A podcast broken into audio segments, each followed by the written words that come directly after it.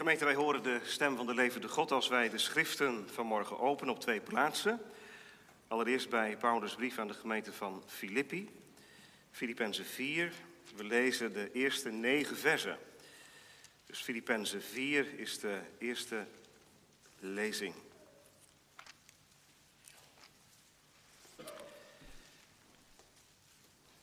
Filippenzen 4, vers 1 tot en met 9 zal ook terugkomen in de preek straks, omdat Paulus daar spreekt over vrede.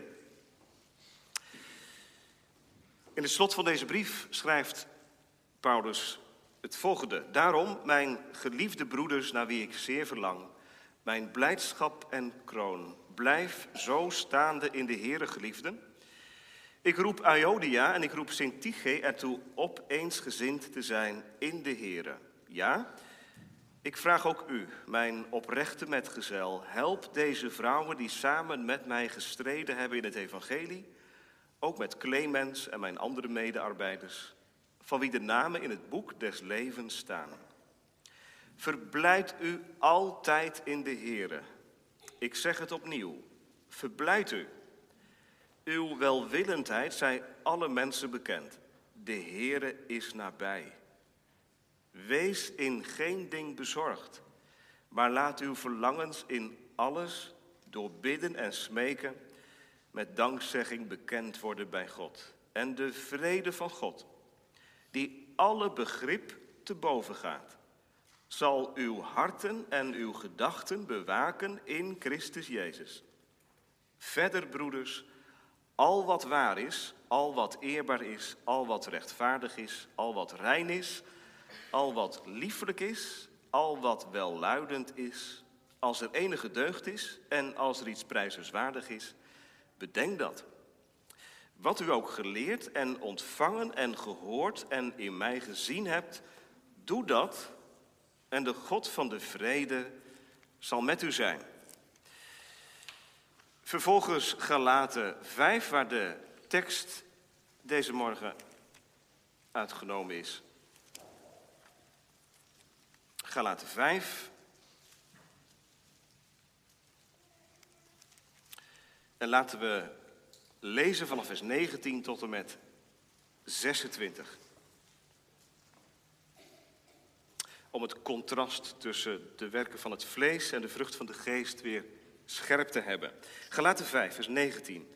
Het is bekend, schrijft Paulus, wat de werken van het vlees zijn, namelijk overspel, hoererij, onreinheid, losbandigheid, afgoderij, toverij, vijandschappen, ruzie, afgunst, woedeuitbarstingen, egoïsme, oneenigheid, afwijkingen in de leer, jaloersheid, moord, dronkenschap, zwelgpartijen en dergelijke.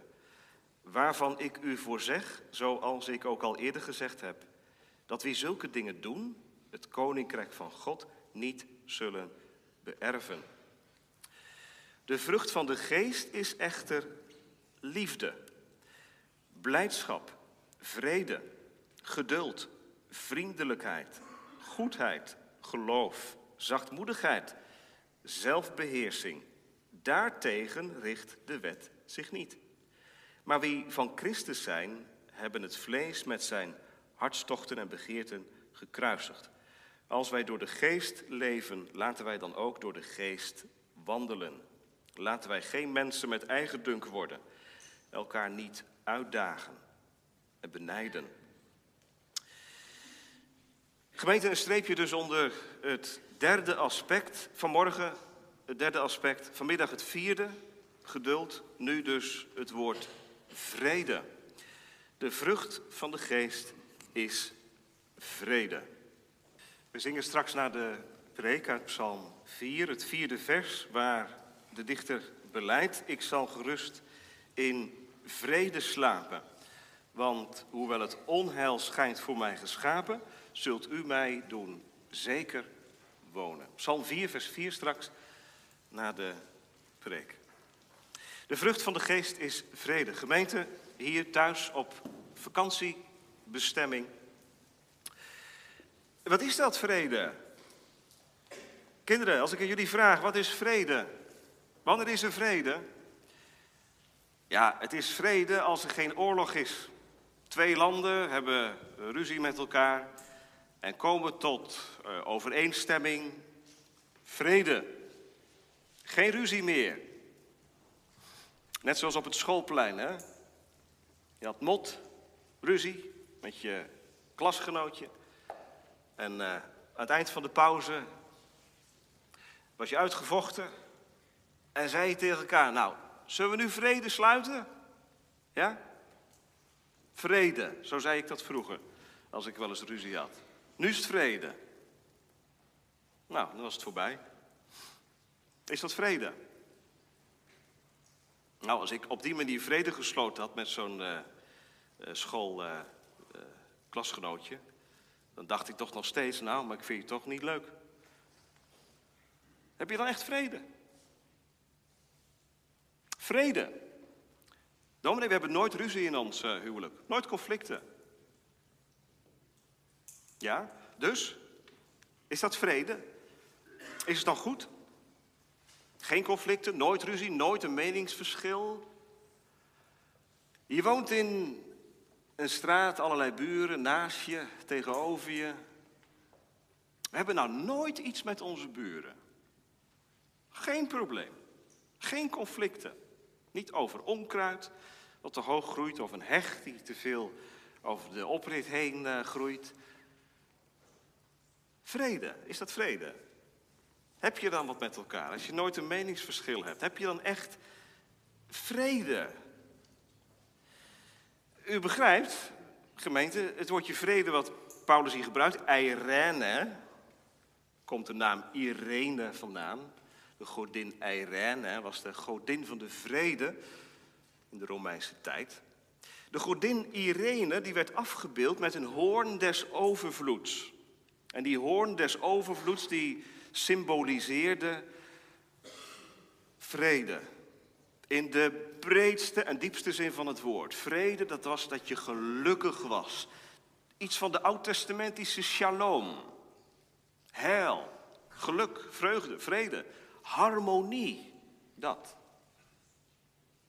Diepe verbondenheid met elkaar. Geen disharmonie. Nou, dat komt toch nog wel iets dichterbij hè, bij wat Paulus hier verstaat onder vrede dan wat wij er vaak onder verstaan. Paulus gaat nog een stap verder, want het gaat hier niet over um, vrede in de zin van harmonie met anderen, dat je het goed hebt met elkaar. Maar het gaat in de eerste plaats hier om geestelijke vrede. Vandaar dat het thema van de preek is. Ja, je kunt het niet lezen op de borden, maar ik zal het herhalen. Vrede uh, met God, vrede van God. Vrede met God, komma, vrede van God. Want die vrede met God, gemeente, is echt nodig. Wil je de vrede van God smaken, ervaren. Wil je Psalm 4, vers 4 van harte kunnen zingen. Vrede met God, dat is deze lijn. Vrede van God, dat is deze lijn. Drie gedachten. Allereerst, wat houdt het in? Geestelijke vrede, onderlinge vrede, persoonlijke vrede. Geestelijke vrede, onderlinge vrede, persoonlijke vrede. Allereerst geestelijke vrede. Dat onderscheid wat ik net maakte, gemeente, vrede met God en vrede van God, is essentieel. We hebben samen Filippenzen 4 gelezen. En ik weet niet of het u nog bij kunt nemen, maar daar schrijft Paulus niet over de vrede met God, maar de vrede van God. Kijk maar, in vers 7 bijvoorbeeld. Hè? De vrede van God, die alle begrip te boven gaat, zal uw harten en uw gedachten bewaken in Christus Jezus. De vrede van God. Maar u weet misschien ook wel dat Paulus op sommige plaatsen spreekt over de vrede met God. Ik zal u één voorbeeld geven. Romeinen 5. Daar roept Paulus het uit. Nadat hij in Romeinen 3 onze doodstaat, onze verlorenheid getekend heeft. Dat wij mensen zijn zonder vrede. Het pad van de vrede kennen we niet. Dat gaan we ook niet. We gaan voor onszelf, met ons ego. Maar, zegt Paulus, weet je wanneer dat veranderd is in mijn leven? Toen ik gerechtvaardigd ben door het geloof. En daarom schrijft hij in Romeinen 5, vers 1: Wij dan, niet alleen ik, maar iedereen die de Heer Jezus lief heeft, wij dan gerechtvaardigd door het geloof, hebben vrede met God.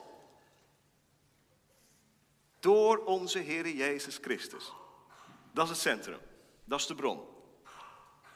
Want ergens anders zegt Paulus, Jezus Christus is onze vrede. Even 2. Hij is mijn vrede. Ook jouw vrede? Is hij uw vrede? Is hij de vredevorst waar Jezaja 9 van profeteerde? Vredevorst. De vorst, de koning die de vrede gebiedt in mijn leven. En de disharmonie door de zonde opheft. En het weer goed maakt met God. Ja, dat is wel nodig, gemeente. Want weet je, die vrucht van de geest, die staat tegenover de werken van het vlees. daar begonnen we mee. Galaten 5 vers 19, ik heb het al vaker gezegd, maar ik herhaal het maar even.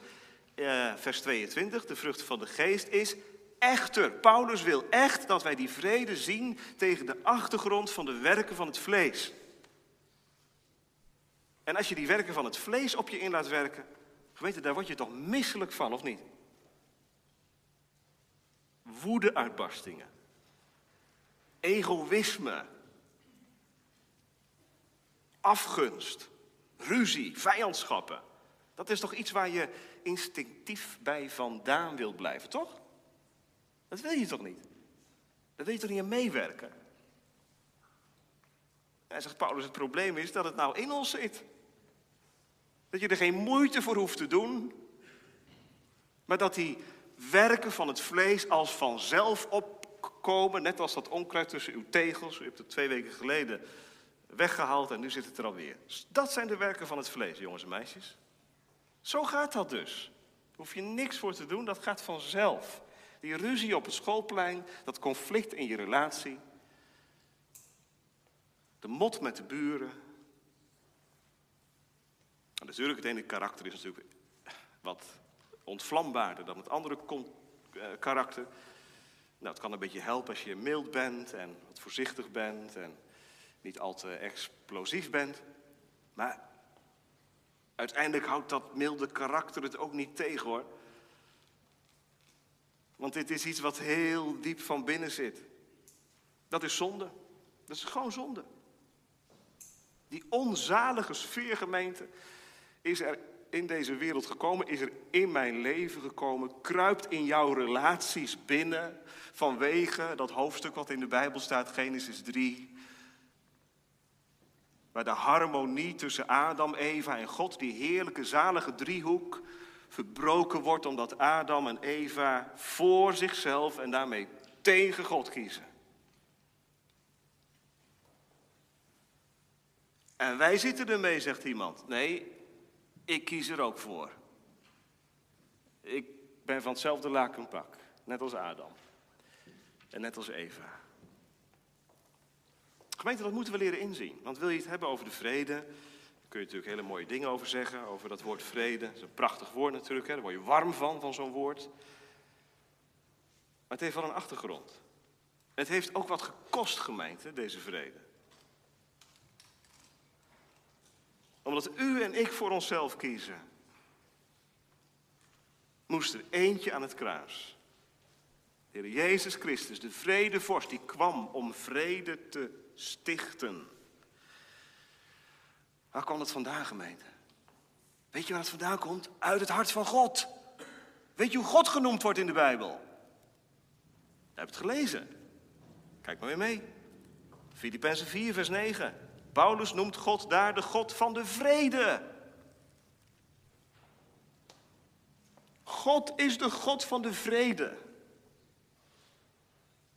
Hij wil vrede, hij zoekt geen oorlog, hij zoekt geen ruzie, hij zoekt harmonie. En direct na de zondeval is hij daarmee begonnen. Hij heeft er geen gras over laten groeien, dat doe ik vaak. En u ook, denk ik.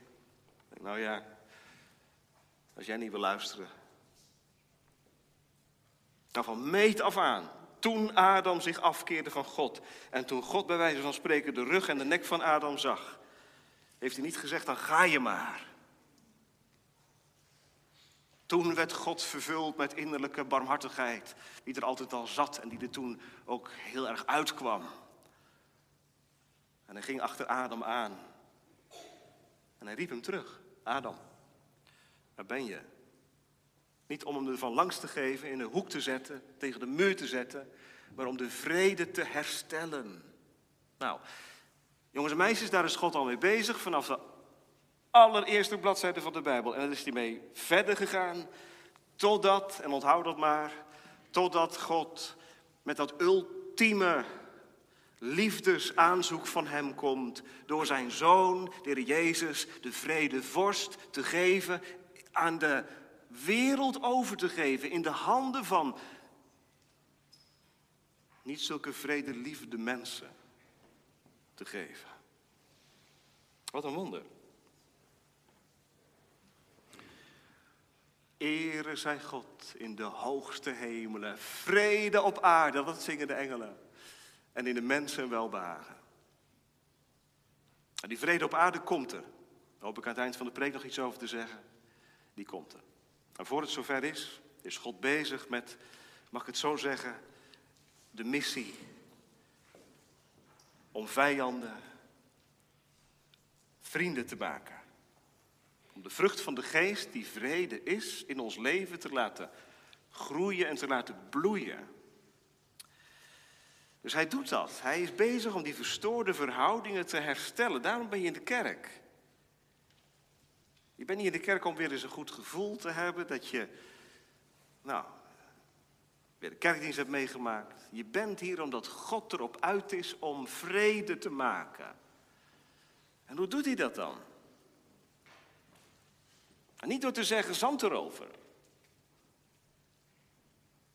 Ik heb al gezegd, die vrede heeft hem alles gekost. heeft bloed gekost. En God wil dat je dat weet. Dat je dat ziet. Dat is ook het werk van de Heilige Geest. Hè? Dat doet de Heilige Geest. Onder de verkondiging van het woord raakt hij je aan en maakt hij je gevoelig voor wat je mist. Heb je dat ook wel eens? Onder de verkondiging van het woord. Ik kwam in de voorbereiding van de preek het verhaal tegen van Kees de Gashond. Nou, de ouderen onder ons, die kunnen dat misschien zich wel herinneren. In de jaren zestig, geloof ik. Kees de Gashond. Dat was een, uh, een levende legende, zeg maar. Maar dan uh, een hond. Kees de Gashond. Wat, wat, deed Kees de Gashond? Kees de Gashond die werd meegenomen om allerlei gaslekken op te sporen. Tegenwoordig gaat het allemaal wat uh, makkelijker, maar in die tijd, 60 jaar geleden, was het een heel ding. En die, die hond had een hele gevoelige neus. Dus je kon precies aanwijzen van daar, daar zit een lek. En met eerbied gesproken, wat doet de Heilige Geest nou?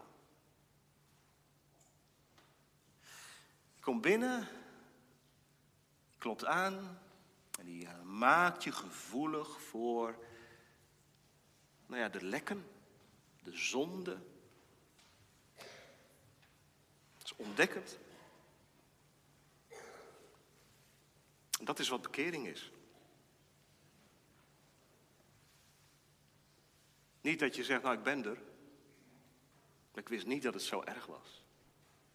Dat het zo heftig is. Dat de werken van het vlees heel geniepig gewoon in mij zijn. Dat gebeurt vandaag. Je erachter komt, ik ben niet zo'n brave. Ik kan natuurlijk voor de fake heel veel spelen. Maar diep van binnen. Werken van het vlees. Ben ik een snel aangebrand mannetje. Licht ontvlambaar. Snel geërgerd. Dat kun je verinnerlijken. Zodat je verzuurt, verbittert. Je kunt het ook naar buiten gooien. Op allerlei manieren. Is dat nou echt zo erg, zegt uh, jongeren? Werken van het vlees, het gaat over vrede vanmorgen. Nou, u hebt heel veel aandacht voor uh, tegendeel hè, van, de, van de vrede. Ruzie en zo. Is het nou zo erg? Vat toch wel mee? Ik weet nog dat ik in een categorisatiegroep een keer vroeg... wie heeft er wel eens iemand doodgeslagen? En dat uh, niemand van de catechizanten gelukkig de vinger opstak. Niemand, gelukkig. En dat we toen samen naar de uh, behandeling van de catechismus zijn gegaan, zondag 40, de uitleg van u zult niet doodslaan. En daar staat, wat betekent dat gebod? En dat zei Jezus trouwens ook al, hè? Dat ik mijn naaste niet met gedachten of met woorden of met gebaren, nog veel minder met de daad. Door mijzelf of door anderen, via anderen, onteer, haat, kwets of zelfs dood. Nou, als je dat op je in laat werken, dat dit de eerste symptomen zijn van vijandschap, dan gaat niemand vrij uit.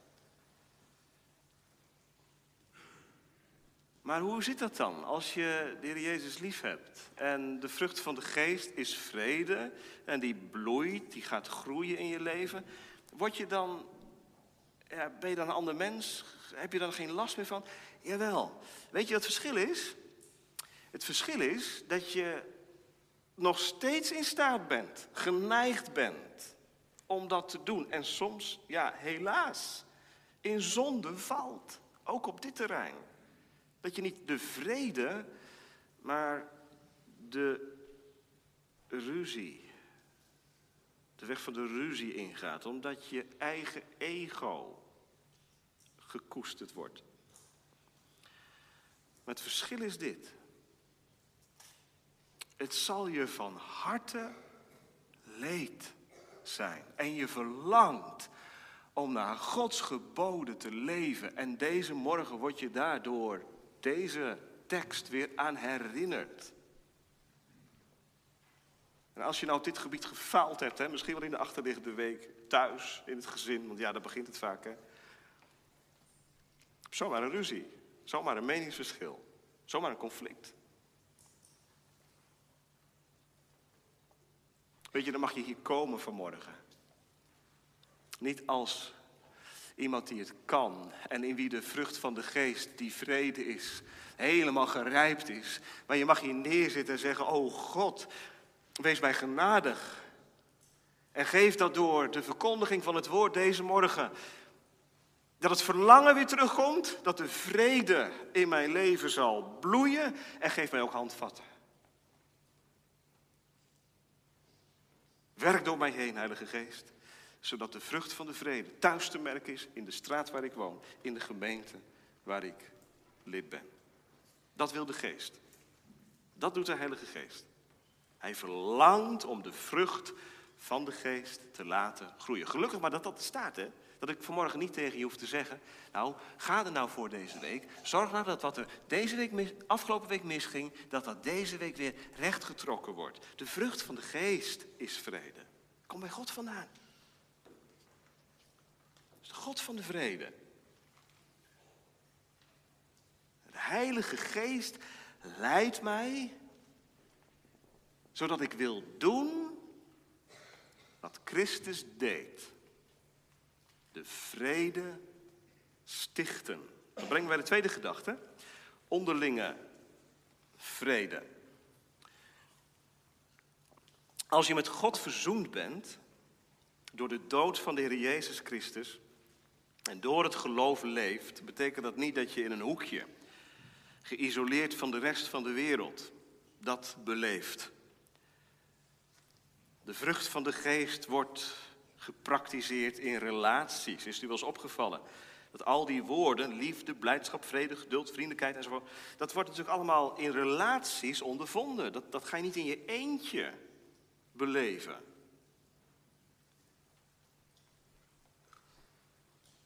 Zo, zo wil God zijn evangelie en de kracht van het evangelie in deze wereld laten verspreiden. Door zijn kinderen, die als sterren in de nacht schitteren als de vrucht van de geest gaat rijpen. Nou, dat was voor de gemeente van de Gelaten echt een uh, leerpunt, om zo maar te zeggen.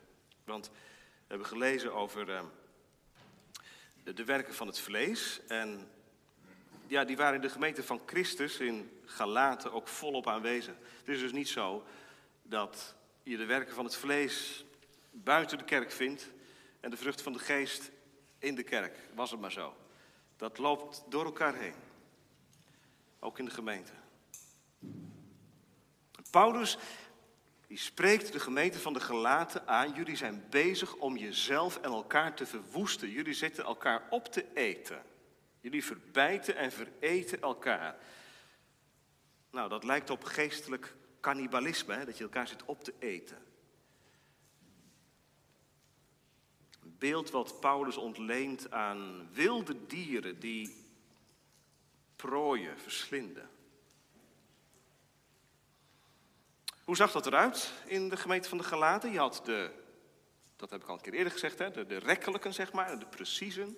De rekkelijken die zich strikt hielden aan allerlei spijswetten en uh, dagen die ze wilden vieren. En je had de, de, de rekkelijken, precieze die waren dus van de, van de orde en van de regel. En de rekkelijken, die zeiden nou, ja, dat is passé, dat hoeft niet meer. Het gaat erom dat je Christus navolgt in het leven. Al die spijswetten en al die, dit mag wel en dat mag niet, even gechargeerd. Hè? Maar dat waren de twee groepen in die gemeente. En dat botste geweldig met elkaar. U kunt zich voorstellen hoe dat gaat. De precieze zeiden, oh, die rekkelijken, daar klopt helemaal niks van. En andersom natuurlijk ook. Die rekkelijke zeiden, die precieze, zijn zo, uh, zo traditioneel en zo angstvallig en krampachtig. Kom nou. En zoals Paulus vaker doet, hij kiest niet voor een partij. Hij zegt niet, nou, ik ben voor de rekkelijken, ik ben voor de precieze. In deze brief legt hij uit wat de vrucht van de geest is. En de vrucht van de geest is onder andere vrede. Dus tegen het splijten en het scheiden en het schiften zet Paulus de vrucht van de geest die vrede is. Dan zegt misschien iemand, ja, maar die vrucht van de geest, ja, dat, dat, gaat toch, dat moet toch vanzelf groeien, daar kun je toch niks aan doen? Als het niet in je leven groeit, is een gave van de Heilige Geest, de vrucht van de geest, ja, dan, dan houdt het op. Maar dat is niet helemaal waar. Weet je wat de Heer Jezus zei? Zalig zijn de vredestichters. Blijkbaar is het ook een verantwoordelijkheid. De vrucht van de geest is ook een verantwoordelijkheid. Daarom zegt Paulus tegen Timotheus: Mens van God, jaag de vrede na. Span je ervoor in. De zaak is het waard. En daarom zegt hij in Romeinen 14: Laten we najagen wat tot de vrede dient. En daarom zegt hij in 1 Thessalonicense 5, wees vreedzaam onder elkaar. Het zijn allemaal actieve oproepen. Je kunt niet zeggen, de geest moet het doen. De vrucht van de geest is nooit bedoeld om je te laten ontslaan van je verantwoordelijkheid. Paulus zegt niet, nou, er zitten in de gemeente van de gelaten zoveel kinderen van God, dat gaat allemaal vanzelf wel. Want een kind van God leeft met de Here en de vrucht van de geest, die, die groeit in hem. Nou, en dan, dan hou je toch wel met elkaar uit. Nou, zo werkt het niet. Toen niet en nu nog niet. Nergens niet. Paulus weet heel goed een kind van God vertoont in beginsel het beeld van Christus en het karakter van God. In beginsel. Je bent niet volmaakt.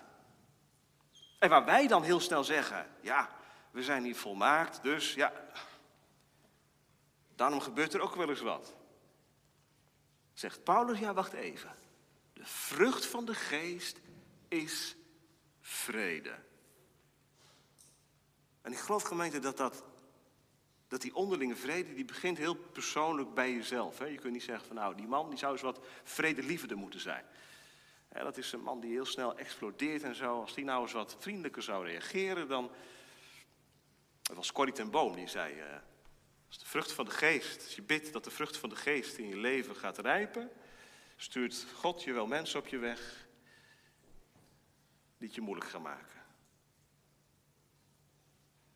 Want de mooiste vruchten groeien in de verdrukking. En niet als er niks aan de hand is. Misschien even een spiegelende vraag, gemeente, maar ik vind het heel mooi hè, dat de laatste decennia ook in christelijke literatuur weer aandacht komt, meer aandacht komt voor karaktervorming. Karaktervorming. Je hebt een karakter gekregen. Als je geboren wordt, krijg je, heb je al een karakter en dat ontwikkelt zich, dat vormt zich. Er kunnen, de hele, er kunnen dingen gebeuren in het leven waardoor karakters ook vervormd worden. Maar die persoonlijkheid die je gekregen hebt en die ontwikkelt door het leven heen, daar wordt aan geschaafd door anderen en door jezelf en door de Heilige Geest.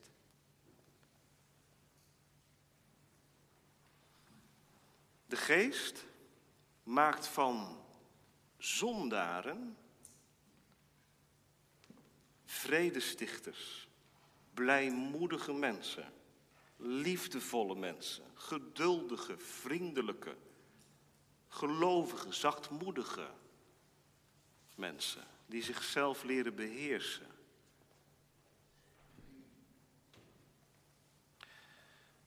En dat heeft dus ook met je karakter te maken. Stel nou voor dat je een ongereguleerde, driftige man was.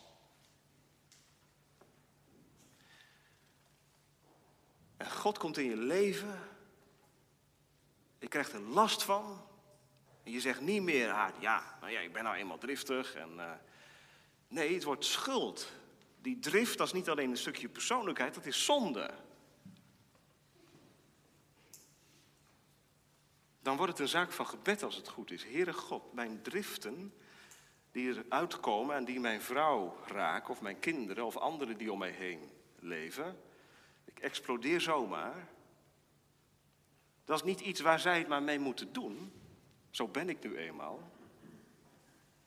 Maar dat is iets wat, waarvan de Heilige Geest wil, en God wil, dat dat verandert.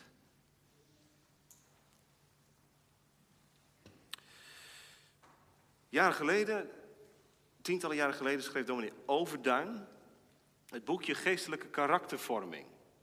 Worden als een man. Heel geschikt ook voor vrouwen trouwens. Worden als een man. Want hij bedoelt daarmee, het gaat over het geestelijk volwassen worden van een christen. Ik zou dat boekje ter lezing aanbevelen. Het is niet meer uh, nieuw verkrijgbaar. Maar dat is iemand die toen al daar oog voor had. Dat God zijn vrede uitwerkt ook in karaktervorming.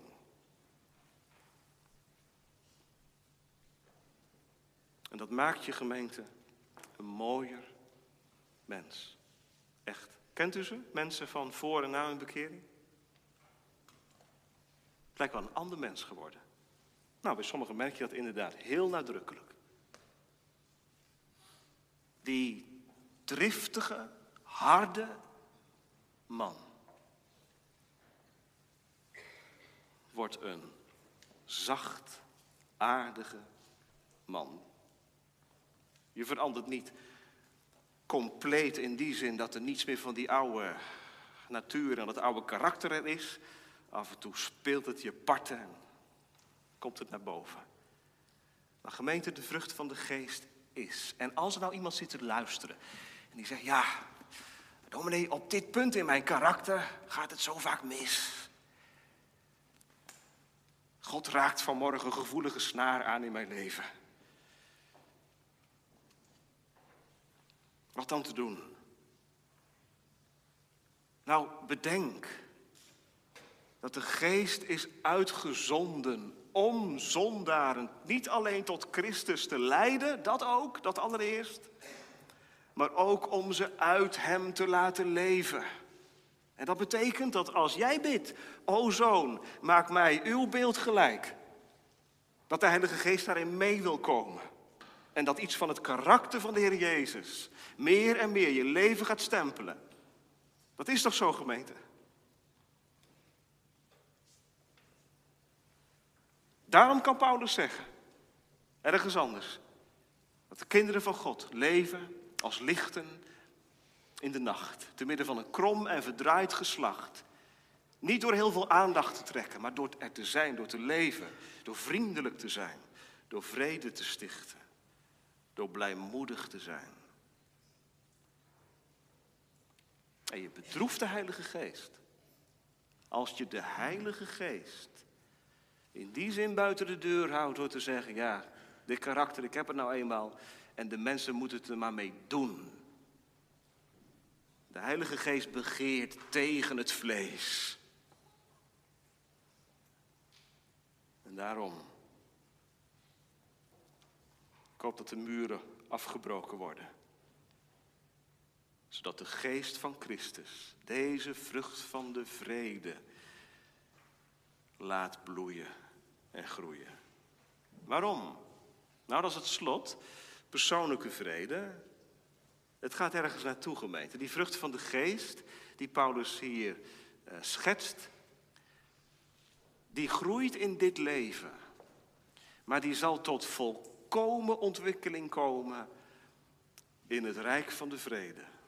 Als Christus terugkomt, als de nieuwe hemel en de nieuwe aarde er zullen zijn. We zongen het, zal alles door de vrede bloeien. Dan kom je elkaar tegen en dan kijk je elkaar aan, zonder dat je ooit denkt, wat zie ik nou in die blik? Proef ik nou afstand of niet? Dan ga je nooit meer een bochtje om. Maar als je van Christus bent, kun je elkaar helemaal hebben. Dat is een oefening, nu al. Die vrede gemeente die komt.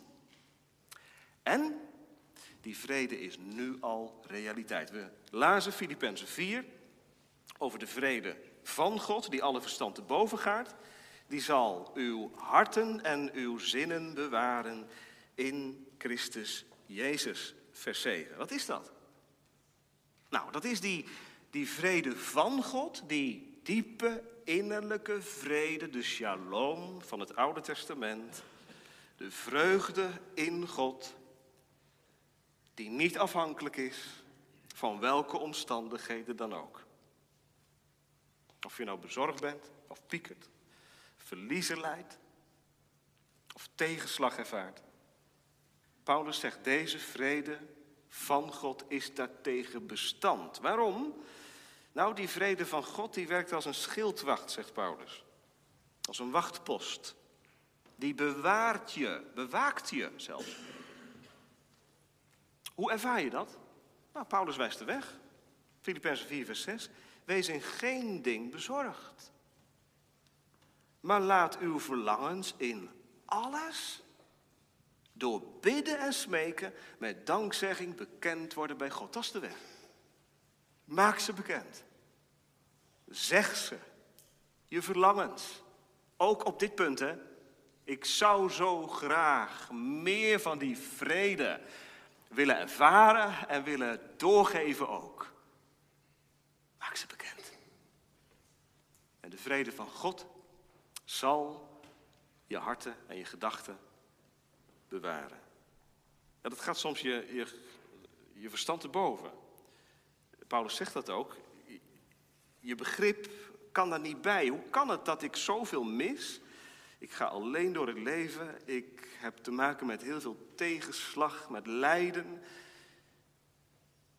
En toch is het waar wat Paulus hier zegt.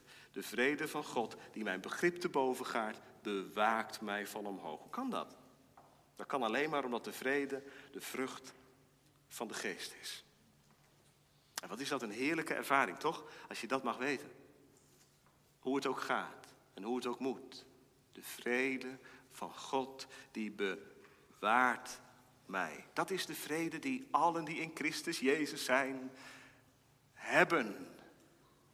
Hij die op Gods bescherming wacht, wordt door de hoogste koning beveiligd in de duistere nacht.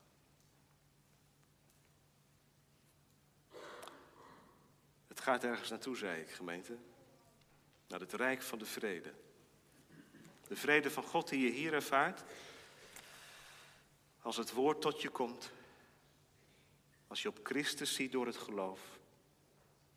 Als de Heilige Geest in en door je heen werkt, is hier aangevochten werkelijkheid. Licht onder vuur. Maar het komt ervan. Dit leven eindigt. Maar het is tegelijk het begin van het echte verhaal. Dat nooit meer eindigt en dat voor altijd blijft doorgaan. En waaraan, waarvan ieder hoofdstuk mooier is dan het vorige.